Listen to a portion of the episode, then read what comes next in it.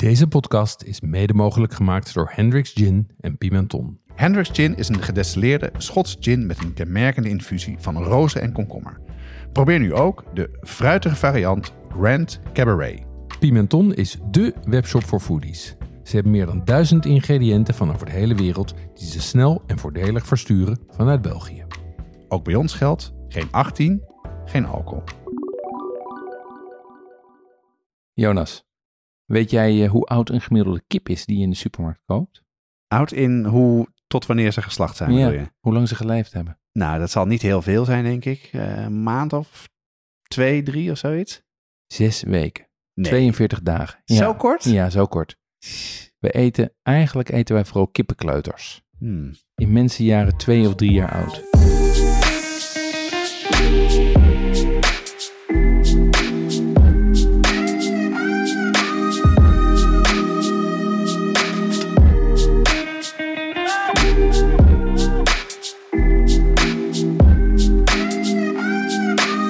Watschaf, de podcast, gaat over lekker eten en drinken, zelf koken en buiten de deur eten. Het is voor iedereen, van het beginnende tot de ervaren thuiskok. Alle recepten en tips uit de podcast staan in de show notes op watschapdepodcast.com.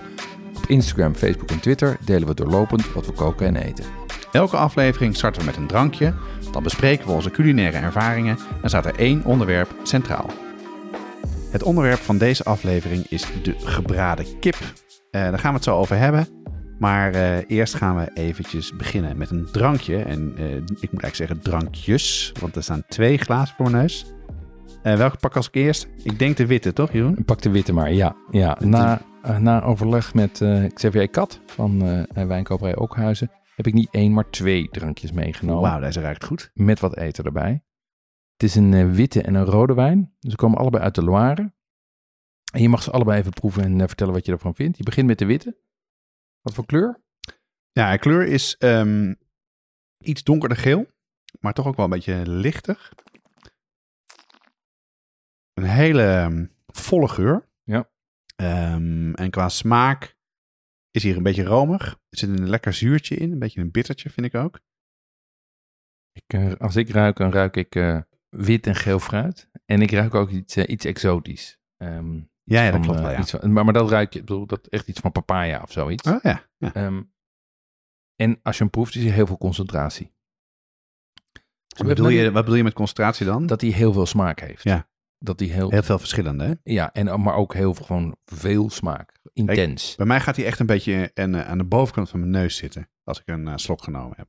Heel, maar ja, het is heel ja, vol eigenlijk. Mhm. hè? Zullen we die rode even pakken? Ja, en, waar, en het- eh, je gaat zo vertellen, de meer ja, vertel zo meer. En waarom we deze hebben? Nou, deze rode is ehm, donkerrood. Ja. Ehm, de, het verloop is wat minder, dus het zal is niet bruinig, het zal wat minder oud zijn, denk ik. Mhm.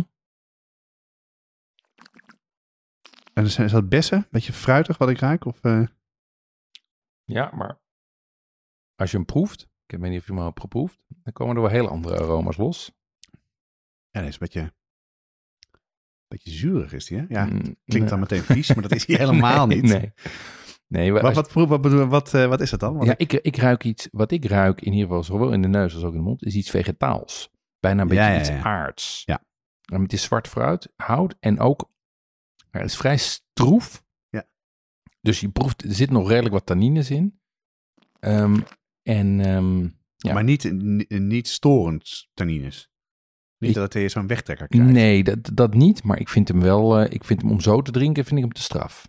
Maar Ja. wat we nu gaan doen, Is we gaan, even een, eh, we gaan even een stukje, eh, stukje kip. Ja, want Jeroen heeft misschien van... En hoeveel kippen heb je eigenlijk gebruikt hiervoor, Jeroen? Ik denk dat ik de afgelopen, dat ik de afgelopen weken zeker 7, 8, misschien wel 10 kippen heb. Echt waar? ja. Hmm, oh, lekker zo. Hm, Echt lekker. Dit is een boutje. Ehm, en ik zou zeggen, proef nu die eh, witte er even bij. Oh ja. Gaan we doen. Hij heeft nu een andere... Nu raak ik heel goed wat je bedoelt met dat passievrucht. eh. Ja, guave is eigenlijk meer eh, zo'n, ja. hij wordt strakker, hè? Ja, maar hij wordt, maar hij wordt ook. ehm, eh, wat, wat, wat ik vind dat er gebeurt, is dat hij veel. ehm, door dat vette en het zouten van die kip dempt die, die hele intensiteit. Ja, dat bedoel ik, ja. Dat bedoel ik eigenlijk. Wat Ja. ik, maar wordt die heel wordt- andere wijn, hè? heel andere wijn. Ja, en wordt die veel, eh, veel soepeler. De Ja. souplesse wordt veel Frisser groter. bedoel ik eigenlijk. Ja, Ja. precies. Ehm, en, en waardoor het geheel een veel bredere ervaring wordt. Ik zou zeggen, neem nog een stukje kip en neem dan even die rode erbij. Het is echt een heel lekkere kip, zeg hé. Mhm. En met, met die rode gebeurt bij mij iets zelfs. Namelijk, ik vind eigenlijk deze wijn wat, wat te heftig om te drinken. Ja, dat is hetzelfde, ja. Maar zodra je de kip erbij pakt, gebeurt een beetje iets vergelijkbaars. Ja. Hij dempt de tannines en zorgt daarmee dat het fruidige en kruidige karakter eh, eh, beter naar voren Hm. komen, wat mij betreft. En zeker met dit, met dit borst, met dit eh, boutvlees wat je hier hebt, wat toch ook allemaal wat meer naar vlees smaakt. Het wordt een, ook dit wordt een hele andere ervaring. Ik zal even wat, terwijl jij nog lekker zit te eten, zal ik even wat vertellen wat, ja, jij mag door. Ehm, neem ik even een slokje. Nou, ik ook hoor. En zal ik even iets vertellen over de wijn en waarom ik ze gekozen heb. Ehm, die witte wijn, ze komen allebei uit de Loire. Het zijn allebei Loire wijnen. Ehm, Dat is een leuk gebied, hè, voor wijn. heel leuk, ja. En, en eh, die witte is een Chenin Blanc. Die ken je ook als droge steen. In Oh ja. Zuid-Afrika Oh ja. maken ze daar droge steen mee. Dat krijg je in totaal andere wijn dan wat deze meneer doet. Ehm, deze, deze wijn komt van de Thierry Germain. Die is eh, eh, eigenaar van Domaine de Rocheneuf. Eh, en niet alleen is, eh, is Thierry werkt helemaal biodynamisch. Hij is ook door La Revue du Vin de France als uitgeroepen tot de beste wijnmaker van Frankrijk. Ehm, en wat ik het leuke vind van deze wijn is dat hij, dat hij heel mooi combineert eh, met, die, eh, met die kip. Dus hij haalt het heel erg naar boven. Dus dat is die, die, ehm, eh, die, die Claude Dumoulin van Thierry Germain. Wat ik nou heel maf vind, is dat... ehm dit zijn best wel pittige wijnen, zowel wit als rood. Ehm, die zou je normaal niet bij een kippenvlees doen. Kippenvlees eh, associeer je toch minder met, met heel heftig. Mhm. Traditioneel is het meer met, met, met rundvlees. Terwijl het wel perfect bij elkaar past. Nou, kijk, ehm, de reden waarom ik hiervoor kies, is juist dat. Ik vind kip bij uitstek geschikt om complexe wijnen bij te doen. Omdat ja. het een, een hele subtiele basis geeft. Dus neutraler, hè? het, volgens mij. concurre- het concurreert niet zo. Nou, dat is waar. Terwijl als je, als je, ehm, Nou ja. als je gerechten hebt met veel meer, eh, met, met saus of met rundvlees, dan wordt het echt veel meer concurreren. En hier biedt zeg maar de, de, de, het een, een eenvoudig gerecht biedt, een podium, biedt veel meer podium voor de wijn. Ja. Dus wij doen Ja. eigenlijk vaak, ehm, als we echt een mooie wijn hebben, pakken we hele simpele gerechten. Zoals eh 12 kippen. Zoals 12 kippen. 12 Of- flessen wijn. Ja. Nee, 24, want we drinken er twee. Ehm, en, en eigenlijk is dezelfde overweging bij die, eh, bij die Rhône, is, eh, bij die eh, rode wijn is vergelijkbaar. Ehm, dit is een Clos du Chenever, die komt uit Chinon. Dat is maar 10 kilometer Ja. stroomopwaarts langs de Loire vanaf Saumur, waar die witte vandaan kwam. En een superleuke plek om naartoe te gaan, Chignon. Dorp. prachtig, ja. En Saumur trouwens ook. Deze wijn wordt gemaakt door Charles Joguet. Ehm, en dat is een excentrieke wijnmaker die een dubbel leven leidt. Want naast wijnmaker is hij kunstenaar in Parijs. Ja, ja. Ja. Grappig. Dus dit is een hele bijzondere man. Ehm, en hij is dus, laat ik zeggen, aan de ene kant wijnmaker en aan de andere kant eh, kunstenaar. Een beetje zoals wij. Man.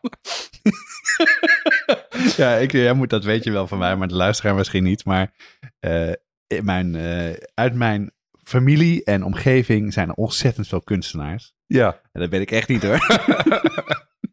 Goed. ehm, maar goed, dit, dit is dus een, ik vind dit een hele leuke, mooie wijn. Het 2000 leuk man is dit. Het is leuk om een keer die, die wijnspijs een keer eh, gewoon te merken. Ja, en het grappige is, want die rode, je zei hij is niet zo oud. Ook deze is al vijf jaar oud. Oh, toch wel? Ja, maar dat komt omdat hij die Cabernet Franc heeft. En die Cabernet Franc, dat is een hele diepe, geconcentreerde wijn. Die vaak ook stroef wordt. Ehm, maar vooral in de Loire vind ik een prachtige eetwijn geven. Wat waar we dit, deze wijn, die rode wijn vooral ook heel lekker bij lijkt, is een uh, confit de kanaar. Precies. Maar, dat is, maar daar heb je ook namelijk dat je dat vette krijgt. Ja. En eigenlijk, laat ik zeggen, niet zo heel veel vlees of metaalsmaak. Wat je natuurlijk bij... Nee, het is bij- vrij, vrij mild is het Vrij eigenlijk. mild, ja. ja. maar daar gaat het inderdaad ook heel goed bij. En wat overigens ook leuk is, en een van de dingen waarom ik ook wel een eh, soort van voorliefde heb voor Loire wijnen, ehm, is dat mijn, eh, mijn familie, mijn overgrootvader, is eh, geboren, geboren in die regio. Ah ja, wat lachen. Dus eh, misschien dat ik ook wat genetisch ben, ah ja. ben besmet. Na, nadat jij je mond hebt afgeveegd, Jonas, mag je even vertellen ik- wat je de afgelopen dagen hebt uitgesproken? Ja, want ik ging even kluiven, Jeroen. Ja. Dat laatste, dat vind ik altijd het lekkerste. Nou, wat ik gedaan heb, ik heb ehm, weer eens een keer de Vlaamse gehaktballen gemaakt. Ehm, en daar hadden we broodkruim voor nodig. Ja. Dus we waren naar de bakker gegaan en eh, gevraagd van, nou, wat is dan handig? Toen zei hij, nee, dan moet je niet wit brood kopen. Wat je moet doen, en dan mag je zo van me meenemen, is al het, ja, zeg het snijsel wat uit de snijmachine komt. Hm. Dat eh, vegen ze dan eh, eruit en dat gaat in een zakje mee. En dan krijg je alle soort brood door elkaar. Maar het leuke is ook, je krijgt er ook heel veel sesamzaadjes bij en ook heel veel maandzaad bij. Nou, dat maak je op dezelfde manier broodkruim van door hem eventjes in de blender te zetten. Ja. Of in een, in een keukenmachine. En dat was dus een hele aparte soort complexe smaak kwam erbij. Dat was heel erg leuk. Wat leuk. ja. En een andere wat ik, eh, wat ik, eh, waar ik wel achter ben gekomen is eh, hoe je nou het beste een volle basilicumplant kan, kan krijgen. Ja. Hoe En doe je je- dat? Nou, wat je doet is je neemt, als je zo'n potje koopt, hè, dan gaat het vooral om. Heel veel mensen knippen er dingen vanaf. Dan krijg je van die hele houterige stelen uiteindelijk over. En zo'n Ja. beetje zo'n lullig uitziend plantje Ja. waar je gewoon doorheen kan kijken. Mhm. Nou, wat je moet doen is, ehm, je moet eh, eigenlijk zo laag mogelijk, daar waar de eerste vertakking plaatsvindt, Ja. hè, waar de eerste blaadjes naar de zijkant gaan, Mhm. daarboven moet je hem afknippen. Oké. Dan blijft hij klein en laag, maar heel vol. En dan gaat alle energie weer in nieuwe blaadjes. En dat werkt echt perfect. Slim. En jij? Wat heb jij gedaan? Ehm, ik heb eh, zelf boba tea gemaakt. Bobba. Bobba vet. Weet je, nee, weet je wat boba tea is? Eh, geen flauw idee. Dat is, dat is volgens mij een Taiwanese thee. Eigenlijk is het een soort limonade. En daar zitten balletjes in eh, Oh, van tapioca. TikTok thee. TikTok thee. Ja, mijn dochter, dochter, is, eh, ja, die, heeft, die, die is helemaal door op boba thee. Eh, dat verkopen ze bij een aantal, eh, nou ja, die- je, je, hebt, je hebt er speciale winkels voor. Eh, maar bijvoorbeeld ook bij de Amazing Oriental in de food court hebben ze het ook. En ehm, eh, ik ben dus op zoek gegaan naar, kan ik zelf die parels kopen? En die blijkt je natuurlijk gewoon online te kunnen bestellen. Ja, zeker. natuurlijk, En dan, eh, en dan maak je dus zelf boba thee. Lekker? Eh, nee, niet te zuipen.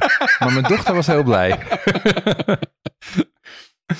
en ehm, eh, verder heb ik het boek van, van Claudia Dame gekocht, Vers Deeg. Ja, dat is nieuw hè? Ja, Claudia zit, is op Instagram actief als Food from eh Cloud9 of Cloud9. Ja. Krijg ik niet wat, hoe we dat moeten uitspreken. Maar eh, zij is een, eh, een, een, eh, een heel begeisterde bakker. Ehm, en in dat boek van haar staan allemaal hele leuke, goede recepten over zuurdesem. En ik, zag een heel, ik zag een heel interessant recept staan voor hamburger, ehm, hamburgerbroodjes. Ja, dat is heel En, belangrijk hè? Brood is echt, echt een van de meest onderschatte dingen van hamburgers. Ja. Hè, je, we kopen dan zo'n bolletje in de supermarkt. Maar het is veel lekkerder als je ander brood gebruikt hè? Nou ja, en dat staat dus allemaal in haar, eh, staat allemaal in haar boek. En wat ze ook heel goed doet, wat ik heel knap vind, is zelf croissants maken. Oh, dat is, ja, dat is een werk jongen. Ja, nou, als ik haar recept maar, maar erop na mag slaan, lijkt dat dus wel mee te vallen. En wat gebruikt ze dan? Ja, dan moet je het boek maar lezen. nou, daar ga ik er binnenkort even inkijken dan. Jeroen, bij jullie thuis wordt toch veel hot sauce gegeten? Ja, dat klopt. Er staan eigenlijk altijd wel iets van vijf flesjes open. En elke paar weken is er eentje op. Dus dat gaat, eh, gaat behoorlijk hard. Maar waar, gebruik je het dan bij? Waar, waar, waar eet je het mee dan? Nou, mijn dochter houdt niet zo van heet eten, maar mijn jongste zoon juist wel. Ehm, eh, dus bij heel veel avondeten kiezen we dan zelf. Eh, Bij taco's, bij kip, bij gebakken rijst, dat soort dingen. Ehm, en overigens ook bij lunch- en ontbijtgerechten. Tosties, gebakken eieren, pizza, alles. Pizza voor ontbijt. Slim, want dan kan je wel je eigen pittigheid bepalen. En pak je dan ook vaak de rijmakers, heetmakers sauzen? ja, die zitten regelmatig in de roulatie. eh, juist ook omdat ze bijzondere smaken hebben en oplopen in pittigheid. Ja, en wat ik er zo leuk aan vind, ze zijn prachtig vormgegeven. Eh, hoe komen luisteraars aan deze flesjes? Ja, je vindt rijmakers, heetmakers op heatsupply.nl of vraag ernaar bij je delicatessenzaak. Nou, Jeroen, tijd voor het onderwerp gebraden kip. Eh, een schijnbaar eenvoudig gerecht, net zoals eh, de gehaktbal waar we een aflevering over gemaakt hebben. Of risotto, wat onze Mhm. vorige aflevering was. Simpel, maar devil was in de details. En dus het is eigenlijk helemaal niet zo simpel om iets zo te maken. Wat heb jij met gebraden kip? Ja, ik ben er dol op. Eh, maar, want mijn moeder maakte het vroeger al. Ehm, en dat was, die maakte het erg lekker. Ehm, maar ik heb ook een haat-liefde relatie ermee. Want ik vind het moeilijk om te maken. Ja, ja. Ehm, en tegelijkertijd ben ik ook wel weer dol op koude kip. Dus grappig. ja, ik heb daar echt wel een, eh, iets mee. En jij? Ja, ik, heb, ik vind het ook heel erg lekker. Ik vind het vooral lekker eh, in Frankrijk, eh, op de camping, zo'n rotisserie. Zo'n, zo'n, zo'n, vaak heb je nog zo'n, eh, zo'n bus die dan ergens staat. Ja. Dan vind ik het heerlijk altijd. Maar ik maak het zelf bijna nooit. Nou, ik ben heel erg benieuwd naar wat je allemaal gaat vertellen, want ik heb echt nog wel wat te leren. En als we het over een gebraden kip hebben, hebben we het over een hele kip. Hè? Ja. In zijn geheel, in de oven meestal. Eh, wat is dan voor jou de perfecte gebraden kip? Nou, hij moet duidelijk naar kip smaken. Dus echt een volle kipsmaak hebben. Ja. Ehm, de poten die moeten heel gaar zijn, echt vol of de boon, dat, dat, dat, dat het er makkelijk afgaat. De borst mag niet droog zijn, die moet Nee, smeuig zijn. Dat is echt een, echt een dat vind ik ook verschrikkelijk als de borst droog ja, is. en het is verschrikkelijk. Ehm, en wat ik, in een, eh, wat, ik in een pot, wat ik in een aflevering van Gastropot hoorde, hij moet een velletje hebben als glas. Ja, dat is heerlijk. Ja. Lekker zo knapperig, knisperend. Heerlijk. Mm. Nou, zoals hij net wel was. Hij was best wel... eh, hij was lekker. Hij was vrij goed, hè? Ja, ja, ja. Nou, vertel, hoe maak je die? Ja, daar ben ik dus nog niet achter. nou, echt waar? nee, nee. Twaalf kippen en je... Ja, Oh, oké. Ja, ik, Dus- ik ben op weg. Ik heb inmiddels een paar heerlijke kippen gemaakt. Maar nog niet die vier punten van, punten van perfectie die ik hierboven noem. Ehm, en ik vraag me, ik sta ook op een, in een soort kippencrisis zit ik. Ik vraag me af of het eigenlijk wel kan. Dus we kunnen gewoon stoppen nu. Ja, we kunnen er eigenlijk nu gewoon mee ophouden. Ja, wij vinden het toch zonde, want je hebt er heel onwijs veel tijd in gestopt. En ik weet zeker dat je onwijs veel dingen hebt eh, gevonden. Eh, hoe heb je het aangepakt? Vertel. Nou, ik ben begonnen eh, zoals bij alle klassieke afleveringen met de klassiekers. Dus McGee, Bocuse, Dikke van Dam, Aston Bloementaal erop nageslagen. Gekeken wat zij erover zegt. Ehm, online ook gekeken bij Serious Eats, Bon Ja. Appetit, The Guardian. Gastropod heeft ook een goede aflevering over. Maar wat voor mij al verdacht was, was dat Alex the French guy, die natuurlijk een beetje in dezelfde soort hoek zit waar wij ook vaak zitten, die heeft er niks over. Dat vond wel, ik verdacht. Ja, want het is toch, eh, ter- terwijl kip in Frankrijk echt wel het gerecht is. toch? Ja, dat is een heel klassiek gerecht en vaak ook een van de tests die ze gebruiken om een professionele chef te testen. Oh ja, net zoals de omelet-test. eh. Precies. Ja, daar heeft hij wel eentje over gedaan. En wat is dan het probleem dan? Waarom, waarom zit je in een, in een kippencrisis? Ik Dat is een mooi woord. Ja, nou, kijk, als je die recepten erop naslaat, zie je heel veel technieken en tegenstrijdigheden. Ehm, en zelfs als iemand zegt dat ze het perfecte recept hebben en ik bekijk het plaatje daarvan, dan betwijfel ik of dat perfecte recept wel voldoet aan die vier punten hierboven. Ja, het is een heel goed recept, maar weten ze die vier dingen te combineren? Ja. Volle kippensmaak, eh, gare poten, smeuïge borst, knapperig korstje. Ja. En daarbij, en dat is natuurlijk de grote frustratie, het is me gewoon nog niet gelukt om dat goed zelf te reproduceren. Hoe wil je het aanpakken? Zullen we gewoon even jouw eh, research stap voor stap Ja, doornemen? Ja, ja, laten we beginnen met de kip. Ja, lijkt me een goeie.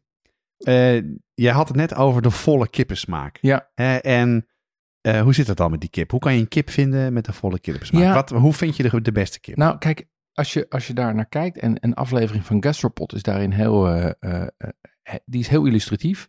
Dat is eigenlijk dat de laatste 30, 40 jaar is de kip echt een wonder van, van de agri-industrie. Ik bedoel, vanuit industrieel perspectief is het heel knap dat het ons lukt om met relatief weinig middelen heel snel een kuiken op te kepen, te kweken tot een slachtrij kip, eh, slachtrijp kippetje. ja, in zes weken dus.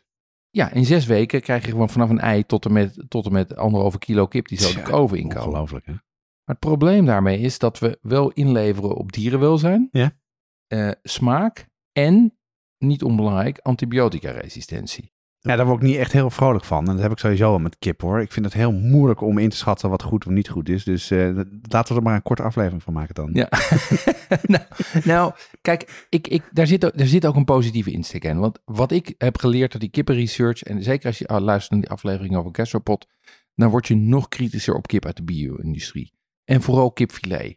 Want dat smaakt natuurlijk echt helemaal naar niks Ja. meer. Vaak veel water eruit en dat soort dingen. Precies. Tegelijkertijd, wat ik daar ook heb van geleerd, is dat we inmiddels het antibiotica gebruik in Nederland sterk hebben teruggedrongen. Ja? Ehm, ja, daarom, we worden zelfs in die aflevering genoemd als een van de landen die eh, voor, voor, eh, voorop loopt in het terugbrengen van antibiotica gebruik. Ja? En ook het goede nieuws is dat er steeds meer kippen met smaak te vinden zijn. Hey, en antibiotica, vertel, wa- want ik weet het wel een beetje, maar het klinkt alsof je daar veel over gelezen hebt. Hoe Ja, zit dat dan? Eh, Als je, het, als je het over kippen hebt, heb je het over antibiotica. Ze zijn in de jaren dan. 50 begonnen met, eh, met preventief antibiotica geven. Ehm, en toen werd duidelijk dat, eh, toen bleek dat als je kippen preventief antibiotica geeft, dat ze 50 keer zo, 50% sneller groeien dan zonder nou, antibiotica. dat meen je niet. Ja. Dus het is, het is, laat ik zeggen, en bovendien worden ze minder ziek. En, want als je Ja, natuurlijk maar heel daar veel- gebruik je het voor, toch? Je voor- voorkomen dat ze ziek worden. Ja, omdat dan- je... Als ze veel te dicht op elkaar zitten. Precies, Ja, ja. precies. Daarvoor is, zijn ze ermee begonnen. Maar toen bleek het dus een groeiversneller te zijn. Niet normaal zeg. En toen zijn ze een tijdje helemaal losgegaan op antibiotica. Waarbij ze zelf op een gegeven moment, als een kip geslacht was, de filets nog even door een antibiotica-oplossing haalden. Nou, Om te zorgen dat die langer houdbaar werd. serieus? Ja. Oh, Ja. ik, ik kan, ik, kan hier altijd, ik ga hier altijd zo slecht op, op dit soort eetdingen. Als je dat hoort, hoe zo'n industrie in elkaar zit, het is echt eh, verschrikkelijk. ik Ja, dat. nou ja, dat is dus. En op een gegeven moment werd dus duidelijk dat dat ontzettend slecht was. Want mensen werden resistent tegen die antibiotica. En eh, boven. En dus ziek, als je ziek wordt en antibiotica wil gebruiken, dat het dus niet werkt. dan Dat werkt het niet meer, precies. En, en bovendien wel- werden mensen allergisch tegen Ja. penicilline. Serieus? En dat is ook echt heel onpraktisch. Jezus. Dus wat dat Maar je betreft, zei net, Nederland is daar dus eh, Ja, een voorloper in in. Nederland gaat het goed met het. In Nederland zijn we heel ver met het terugdringen van, van preventief antibiotica gebruik. Ehm, zeker als groeiversneller. Er zijn natuurlijk nog wel allerlei loopholes, maar het gaat de goede kant op. En wat ik veel belangrijker vind, is dat er nu ook gewoon kippen te krijgen zijn die wel ergens naar smaken en die normaal zijn opgegroeid. En welke zijn dat dan? Ja, het is heel simpel. Ik zei net al, we eten kippenkleuters. Ehm, ja, Ja, dat is, Als je dat helemaal in je hoofd beeld, dan wil je het eigenlijk gewoon niet meer kopen. Nee, hè? maar dat is, dat is natuurlijk, dat is, het wordt ook wel de plofkip genoemd. Maar het Ja. probleem is gewoon, die beesten zijn gewoon te jong. Ja. Die zijn te jong en eh, zijn te snel gegroeid. En wat je dus wil hebben, is een oudere, traag gegroeide kip. En eigenlijk heet dat al een poularde. En ideaal is ongeveer 100 tot 120 dagen oud. En wat is een poularde dan? Wat bedoel je daarmee? Dus dat is de, de levensfase waar Ja, ze in zitten. Ja, precies. Ehm, en 100 dagen is ongeveer de norm, want eh, na 120, 140 dagen worden ze geslachtsrijp. En dan zijn ze echt niet meer lekker om te eten. Ja, ja. Dan Ja. worden, ze, dan worden ze taaier en, eh, ehm, eh, en te, te sterk van smaak. En dan kom ik een beetje in de buurt wat ik dacht. Ongeveer drie, drie maanden. Wat, Precies, precies. En je hebt dus, als je, als je concreet kijkt naar welke kippen zijn dat dan? Nou, dat zijn zeg maar, als je in de gewone supermarkt kijkt, zijn dat de, de label rouge. Die liggen gewoon bij de Lidl en bij de Albert Heijn. of de zwartpootkippen. Ehm, die kan je bij de, sla, bij, de, ehm, eh, bij de poelier vinden en ook online bestellen. Ah, dat is wel slim. Dus als je op zwartpoot vraagt en dan Ja. ook even vragen waar ze vandaan komen, hoe lang ze zitten. Als je dan een lulverhaal krijgt, moet je het niet kopen. Nee. Dat is mijn truc altijd bij Ja. slagers. Maar dat klopt, dat Ja. klopt. Ah, alles is biologisch hoor. Alles, alles is biologisch wat hier ligt. Ja, maar, maar, maar, ook, maar, maar je kan een kip ook biologisch in, eh, in zes weken van, eh, van Ja. 0 naar 100 krijgen. Zeker weten, ja. Dus, en ehm, wat de echte, de echte toppers zijn, zijn de poulet de Bresse en de capoen. En waarom zijn dat toppers? Qua smaak of qua leeftijd? Ja, nou, poulet de Bresse eh, is, is ook gewoon leeftijd. Ja? Ehm, eh, en capoen, weet je wat een capoen Ik is? heb geen flauw idee. Een capoen is een gecastreerde haan. Sinterklaas Oh ja, dat ik wel, ja. ja. is dus een... is eigenlijk helemaal niet zo'n aardig liedje om te zingen. ja maar laten we het vooral niet over Sinterklaas en Zwarte Piet hebben. want eh, Nee, maar, maar kapoen is, kapoen, doordat die gecastreerd zijn, worden ze dus ouder, maar ehm, eh, worden ze bovendien ook vetter. Wat je ook wel bij andere gecastreerde dieren ziet, bij katers en zo. Ja. En dat zorgt ervoor dat ze dus eh, vetter worden, eh, ouder meer smaak, maar door het vette blijven ze smakelijk. Dus kapoen is the way to go. Nou ja, en dat zijn dus dan die, en die worden vaak net zoals geitenbokjes waarschijnlijk uit de industrie gehaald, of niet? Nou, nee, want dit zijn andere soorten, dit zijn hele andere soorten kippen. En kapoen moeten dus ook gewoon worden gecastreerd. Dus dat is ook nog wel even een handeling. ja, Inderdaad. Ja. ja, Ik heb eh, heel veel, eh, ik kan het heel erg visualiseren de tijd. Dat is niet echt goed voor mijn eetlust. Gelukkig heb ik net een kippetje op.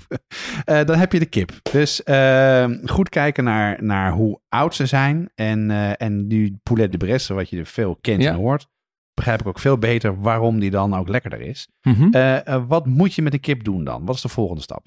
Nou, eigenlijk heb je het dan over de twee grote uitdagingen van het bereiden van de kip.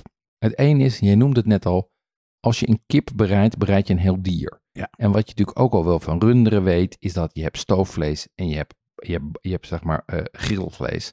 En het probleem met een kip is, daar heb je dat eigenlijk ook. Alleen, die probeer je dus allebei gelijk gaar te krijgen. En de kern van het probleem is dat de borst, die, is, eh, die, wordt, die gaart vanaf ongeveer 62 graden. Maar die wordt droog boven de 68. Ah, ja. Dan knijpt hij het vocht eruit. Tegelijkertijd zijn de bouten pas gaar vanaf 73. Er is niks ergers als een, als een bout die niet gaar is. Waar een beetje dat vocht uitloopt. Waar je, Dat, dat het zo zenig wordt. Ja, dat, ja. ja. Ja. Nou ja, de vraag is, wat is erger? Is een droge borst erger of is een ongare bout erger? er zijn levensvragen hier. Ja, maar, ja, maar, maar, maar ben jij een bout of een borstman? ik ben een boutenman. ja, ik ben ook een boutenman. Ja, Ehm, maar het is, een, dus een, het is dus bijna onmogelijk, want je hebt de borst op 68 Ja. graden en de bout op 63 graden. Dat is de ene paradox. De volgende paradox is dat je wil dat het vel droog is, namelijk knapperig, Ja, als glas. exact. En het vlees wil je nat, namelijk sappig. Ja. En die twee zitten natuurlijk tegen elkaar aan, dus zie daar het probleem. De uitdaging. En dat betekent dus dat zodra je begint met de bereiding, moet je daar principiële keuzes in gaan maken. Nou, daar hou je van. Eh, Juist eh, duidelijke lijnen, eh, kaders. Ja. Welke zijn het dan? Nou, als je, als je gaat, de eerste stap die je maakt is hoe je hem gaat zouten. Ehm, en daar heb je eigenlijk drie technieken in. Je kan brinen of pekelen. Ehm, en dat betekent feitelijk dat je hem gewoon een nacht bijvoorbeeld legt in een oplossing van water, zout en vaak ook een beetje suiker of kruiden. En waarom doe je dat dan? Nou, dat maakt het vlees sappig en Ja? bleef, breekt bovendien de structuur van het vlees af. En het wordt niet te zout dan? Nee, nee, dat hangt vanaf hoeveel zout je in de, in de eh, pekel gooit. Maar als ja. je 3% doet of zo, gaat dat prima. Ehm, de volgende die je kan doen is eh droogzouten. Ja. Ehm, dat breekt ook structuur af. ehm, want die zoutstructuur breekt dan de celstru- die, die zouten breken de celstructuur van het vlees af. Maakt het ook malser. Maar het onttrekt ook vocht. Ja. Dus dat is de tweede. En de derde is last minute zouten. Dat is eigenlijk wat de meeste mensen doen. Ja, nou, dat En denk dat- ik zelf ook. Ja, dus dat betekent gewoon op het laatste moment keeper je er wat zout overheen. Alleen dat laat de structuur intact, maar zorgt er ook voor dat het zout niet doordringt in het vlees. Ja, dus de buitenkant is zout, maar de binnenkant niet. Exact, Ja, exact, exact. En heeft het ook nog effect op, op het velletje, het zouten? Ja, dat heeft het, want je wil natuurlijk dat het velletje, dat, wordt, dat moet droog zijn. Ja. En, ehm, Ah, ja. en als je dat natuurlijk zout, dan, eh, als je dat, als je dat dus brindt, dan wordt het nat. Ik neem aan dat je dit hebt uitgeprobeerd, Ja. allemaal. Ja. Wat is, waar ben je op uitgekomen? Wat Nou. was nog het... Tot... Ja, de, de- wat ik tot nu toe doe, is eh brinen, dus pekelen. Ja? En daarna laten drogen aan de lucht. Want dat zorgt er dus voor dat het, vle dat de, dat het, dat het vlees gezouten wordt en, zich, zich, en sappiger wordt Ja. door dat water. Ja, ja. Maar doordat je hem laat drogen aan de lucht, gewoon in de koelkast, een nacht in de koelkast zetten, Ja. Droogt het velletje wel op. Ja, want in de koelkast is het echt droog, hè? In de koelkast is het hartstikke droog. Ja, dat weet, weet niet iedereen, denk ik. Oké, en dan? Nou, Hoe zit het dan? We hebben, we zijn nog de oven, hebben nog, nee, eh, daar daar komen we nu nog bij, niet. toch? Nee, nee nou, dan ga je dus de oven in. Ja? Maar voordat je gaat, de oven in gaat, ga je hem opbinden. Ah ja, en waarom dan? Je gaat opbinden omdat je daarmee eigenlijk de bouten tegen de borst aantrekt. Ja? En daarmee ervoor zorgt dat de bouten garen en de borst een beetje wordt beschermd Ja, ja. door de bouten. En wat je net zei, omdat ze bij verschillende temperaturen een optimale, eh, ja, zeg je dat? eh eetbaar, Garing? eh, garing en eetbaarheid krijgen, dan kan je dat een beetje daarmee beïnvloeden. Precies, precies. Oké, dus dat is het opbinden. Ja. En is het dan gewoon simpel in de oven of heb je daar ook allemaal verschillende soorten recepten voor gevonden? Ja, ja, ik heb heel veel verschillende soorten recepten gevonden hiervoor. Ehm, en, Dat en, dacht ik al. Ja, en, en wat je eigenlijk ziet is, ik heb grosso modo vier methodes gezien. Ehm, de eerste is de klassieke Franse, dat is de drie stappen bereiding. Waarbij je hem eerst gaart op zijn ene zijkant, dan gaart op zijn andere zijkant en tenslotte met de borst naar boven.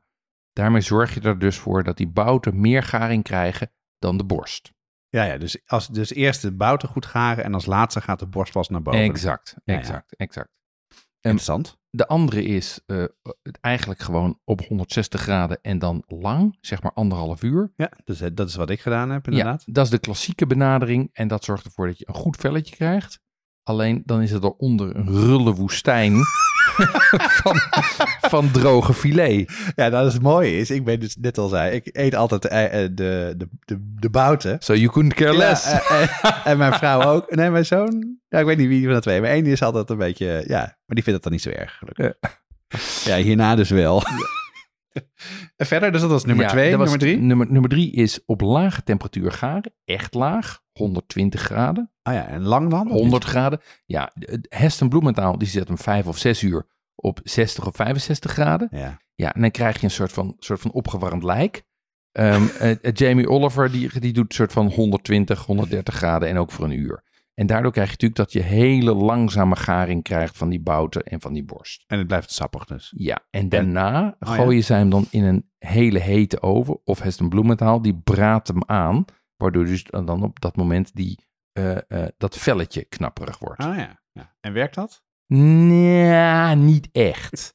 Afgezien van het feit dat het, het geeft een ontzettende bende. Oh ja? Ja, want, nou ja, Oh, je probeer... hebt dat geprobeerd? Dat ja, dat was man. Je zet dan dus een, je zet dan een pan op het fornuis met, hem, met een bad olie erin. En die moet echt heel heet, die moet rokend zijn. ja, dat En dan is- ga je vervolgens met, met je knijper, met je tang, probeer je dan je, je kip daarin te duwen.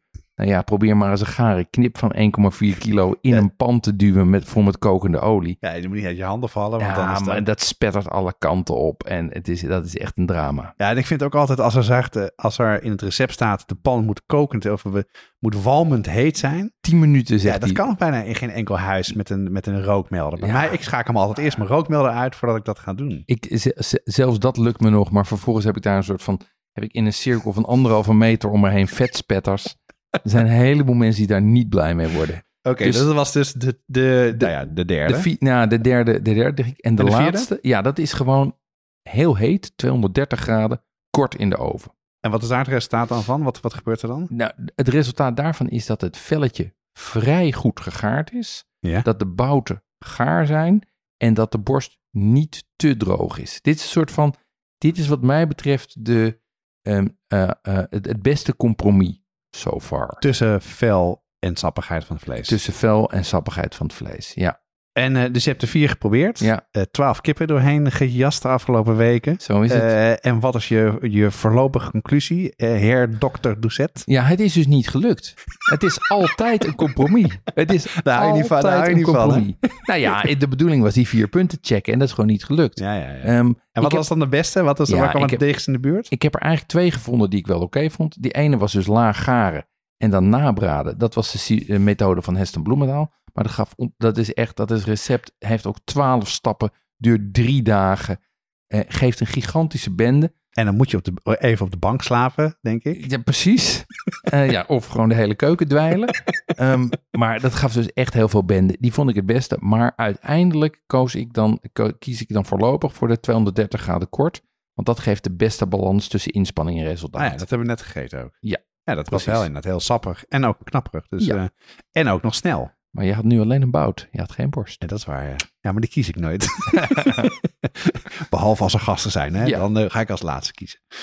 Ehm, Dus voorlopige conclusie is ofwel droog zouten, drogen en dan 160 graden traag. Dan krijg je een knapperige korst en sappige bouten. We hebben dus een, een, een droge filet. ja, ja, Die moet je ja. gewoon uitpluizen en wat anders mee doen. Of je kiest voor brinen, drogen en dan 230 graden. En dan zou ik er een kernthermometer in steken, want dan kan je hem eruit trekken precies op het moment dat die bouten eh, eh, 73 graden zijn. Ja, precies. Ja. En, dan, en dan niet en dan de, de borst overslaan. En dan, de borst is dan gewoon... Hopen, nou, de borst is dan not too bad, zeg maar. Ja, ja, oké. Ehm, dus, maar die, weet je, die gaat dan gewoon in plakjes tussen de boterham of zoiets. Ehm, en die twee recepten ga ik ook op de site zetten. Nou, hartstikke leuk. Maar ben je dan nu een beetje tevreden? Want je begon met eh, je bent er niet. Of hoe, hoe, hoe, eh, hoe is je gemoedstoestand? op dit Nou, nee, was ik, ik bedoel, ik, nee, ik ga van het begin af aan, ik ben er nog niet. Nee, precies. Ehm, maar ik ben ook hier thuis even door mijn experimenteerruimte heen. Want Sascha en de kinderen willen gewoon even geen kip meer. Ik heb hier, ik heb een paar weken achter maar continu kip gebraden. En die zeggen gewoon, het is nu klaar. Ja. Even klaar met de kip. ja, en dan moeten de luisteraars weten. Jij, jij kookt door de week vegetarisch. Ja. Dus alleen in het weekend is het kip. Dus Het was waren- dus verplicht kip eten de afgelopen vier weekenden. Ja, mooi. Dus ik pak het later weer even op. Ja, dat is het idee, hè? Dus eh, we gaan een, de- een deel 2 maken. Ja. Dat wil je toch? Ja, En een deel 2 is eigenlijk het perfecte recept. nou ja, we, gaan, we zijn Toch? op weg de naar... vier, de, dus, eh, de Ja. vier basiselementen afgevinkt. Ik geef niet op. Ja, dus een knapperig velletje, Ja, een sappige borst, ja, sappige bouten ja. en... Volle kipsmaak. Dat Kijk. is hem. En hoe ga je het aanpakken? Ehm, ik ga eerst maar eens even langs bij, eh, bij Ivan, eh, de kok van Rijssel. Ehm, die heeft een rotisserie hangen. Ja. Die staat bovendien bekend om zijn, om zijn uitstekende kip. Dus ik wil bij hem wel eens even horen hoe die dat dan doet. Of, de- of het probleem op te lossen is überhaupt. Nou, dat is leuk. Eh, ik ben met eh Iwan samen opgegroeid in de buurt. Dus eh lijkt me leuk om te doen. Ga ik mee. Ehm, vervolgens wil ik, een, wil ik een rotisserie proberen, want ik heb het nu gewoon in de oven gedaan. Dus ik heb inmiddels eh, een, een, een klein rotisserietje op het oog op Marktplaats. En wat is dat dan? Dat is gewoon een nieuwe oven. Serieus? Ja. Het doe je niet in je eigen oven. Dat kan niet in mijn eigen oven. Oh, Mijn helemaal. eigen oven heeft geen. Want, want wat je moet hebben is stralings. Eigenlijk moet je hebben wat, wat jij op je vuur had in Frankrijk. Waar je eh, stralingswarmte van het vuur hebt. Maar verder dat er geen convectiewarmte is. Dus dat, dat je in de open lucht zit. En je hebt dus ook een oventje nodig. Wat feitelijk ten dele open is. Ja, en waar je alleen een grillelement hebt. Of zo'n vlammending die je wel eens in een rotisserie En ziet. dat het niet te heet wordt, bedoel je ook? Precies. Ja. Hij, moet niet, hij moet niet garen door de warmte eromheen. Ja. Hij moet garen door de, door de stralingswarmte. Ja. Dat Ja, ik dat- proberen. Want dat heb ik inderdaad gedaan. Ik heb het bij een, op een kampvuur gedaan. Dan was ik zelf de, het draaimechanisme. Precies. was helemaal gekookt aan het einde. Maar het was wel inderdaad echt, het werkte echt wel perfect. Want het leuke van daarvan ook was, dat ook door het vuur, het open vuur, er ook echt een rooksmaak in kwam. Die gaan we dus proberen. Dus dat is één. Dan wil ik nog spatchcocking proberen. Ja? Dat Wat is dat ook alweer? Ja, dan knip je de ruggengraat open, Ah, ja. dan vouw je hem open en vervolgens eh, eh, leg je hem neer op je bakblik. En door de, door de manier waarop je oven werkt, gaart hij dan zeg maar van buiten naar binnen. En krijg je dus dat je bouten eerder garen dan dat je borst gaart. Dus dat zou ook Nou, moeten grappig werken. zeg. Ja. Dan wil ik nog wat verschillende combinaties van technieken proberen. Want ik heb nog niet alle combinaties van droogzouten en temperaturen geprobeerd. Ik heb nog niet bedropen met ganzenvet of vet onder de huid gestoken. Ja, me- En ik wil ook eens even een betere kip gaan proberen. Maar omdat ik niet van plan ben om 12 kapoenen of 12 poulet de Brest te kopen, doe ik dat aan het eind. ja, dus eerst de techniek en dan de volle en dan het met de juiste kip. Ja, precies. Ik heb het ook het idee dat je daar dus veel kritischer in geworden bent in het, in het kiezen van je kip. Klopt dat? Ja, ik ben veel kritischer geworden in, in het kiezen van mijn kip. En ik ben ook wel op het punt dat ik nu zeg, kipfilet wil ik eigenlijk niet meer doen. Ja. Want kipfilet smaakt naar niks. Ja. Ik weet hoe het wordt geproduceerd, hoe slecht dat is. Ik zie eigenlijk geen, geen reden meer om kipfilet te gebruiken. Nee, ik eet het eigenlijk nooit. Ik eet alleen maar kippendij. Ja. Dat eh, is dan ook wat smaakvoller. En altijd eh, bio. Ja. Eh, dat is het enige vlees die ik in de supermarkt koop. Buiten de deur eten. Hoe, eh, eh, waar kan je een goede kip, de, de, de perfecte kip buiten de deur eten? Nou, mensen hebben mij dus verteld dat bij Rijssel kan. Ja. Er zijn natuurlijk heel veel kiprestaurants, maar dat is eigenlijk allemaal slecht. Ja. Ehm, er zijn ook mensen die zeggen in Parijs een aantal bistro's waar je naartoe zou moeten gaan. Maar daar ben ik allemaal nog niet geweest, dus dat durf ik niet aan te, eh, durf ik niet op af te gaan. En ik ben ook eigenlijk wel benieuwd of misschien de luisteraars daarvoor tips hebben. Nou, leuk. Dus we gaan samen bij Rijssel eten. Ja. En Iwan eh, bevragen over als een tips en tricks. En, eh, en hoe zie je het voor je dan met tips van de luisteraars? Want dat lijkt me hartstikke leuk om te doen. Ik, ik zou de luisteraars gewoon willen vragen om ons te mailen of te DM'en. Als ze echt plekken weten waar je goed kip kan eten. Die voldoet aan de vier criteria. Hè? Dus je hoeft me niet naar, ons niet naar de KFC te sturen of zo. Of naar een barbecue tent. Nee, ik wil gewoon... Ik wil een knapperig borstje. Ik wil een smeuïge borst. Ik wil een gare poot. En ik wil een volle kipsmaak. Nou ja. Nou, lijkt ons hartstikke leuk als je dat dus ergens bent geweest of gegeten. Mag ook gewoon eh, op een camping in Frankrijk zijn eh, als hij perfect was. Laat het weten. Eh, we zullen dan die tips delen, denk ik, via social media. Via... Ja, ja laat maar een, misschien kunnen we een, een, iets over op de website schrijven. Ik zal eens even kijken of we daar op de site iets kunnen aanpassen. Zodat we die tips ook daar kunnen plaatsen. Dus dat lijkt me hartstikke leuk. Dus heb je tips? Laat het dan ons vooral weten. Dat zouden wij super leuk vinden. We zijn nu aan het einde. Eh, dus het wordt tijd voor ons vast item, het vegetarisch repertoire. Ik ben echt heel benieuwd waar je mee komt in een aflevering die helemaal over vlees gaat. Dus eh, wat, eh, wat heb je gekozen? Ja, kijk, nu ik meer weet over kip, vind ik het eigenlijk niet meer goed uit te leggen om, om filet in curry's te gebruiken. Nee.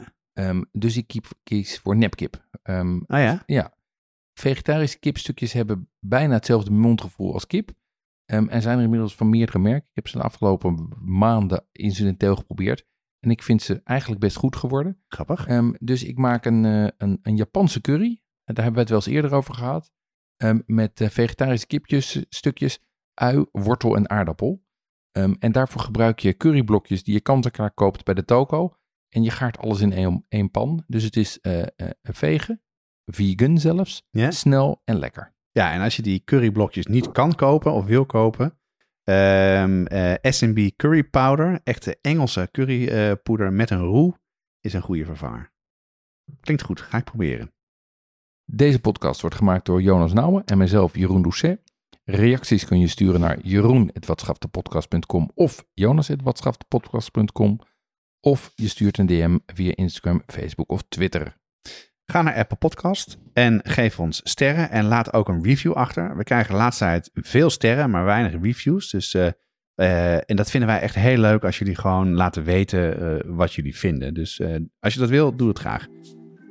En meld je vooral aan voor onze nieuwsbrief. Dan krijg je een mail met alle recepten zodra er een nieuwe aflevering live staat. En bovendien gaan we onze kiptips daar ook in zetten. En hebben we nog leuke rea- reacties gehad, Jeroen? Ja, we hebben een hele leuke reactie gehad. En dat is eentje waarvan ik een stukje ga voorlezen, maar waar we ook naar gaan luisteren. We kregen een mailtje van Jeroen eh, eh, uit Brisbane. En die zei: Hoi, ik wilde even laten weten dat jullie podcast, dat ik jullie podcast als luistertip heb opgenomen in mijn radioprogramma dat ik in Brisbane, Australië maak voor www.4eb.org.au. En het is een Nederlandstalig Oh, programma. daar wacht ik aan. Wat leuk, man. Ja. Dus voor de expats daar hebben we een. eh, eh, eh, hebben we, hebben we, voor de expats daar maken ze een Nederlands programma. Wat leuk. Dan laten we er even naar luisteren dan. You're listening to Radio 4EB FM 98.1. The next program is in Nederlands.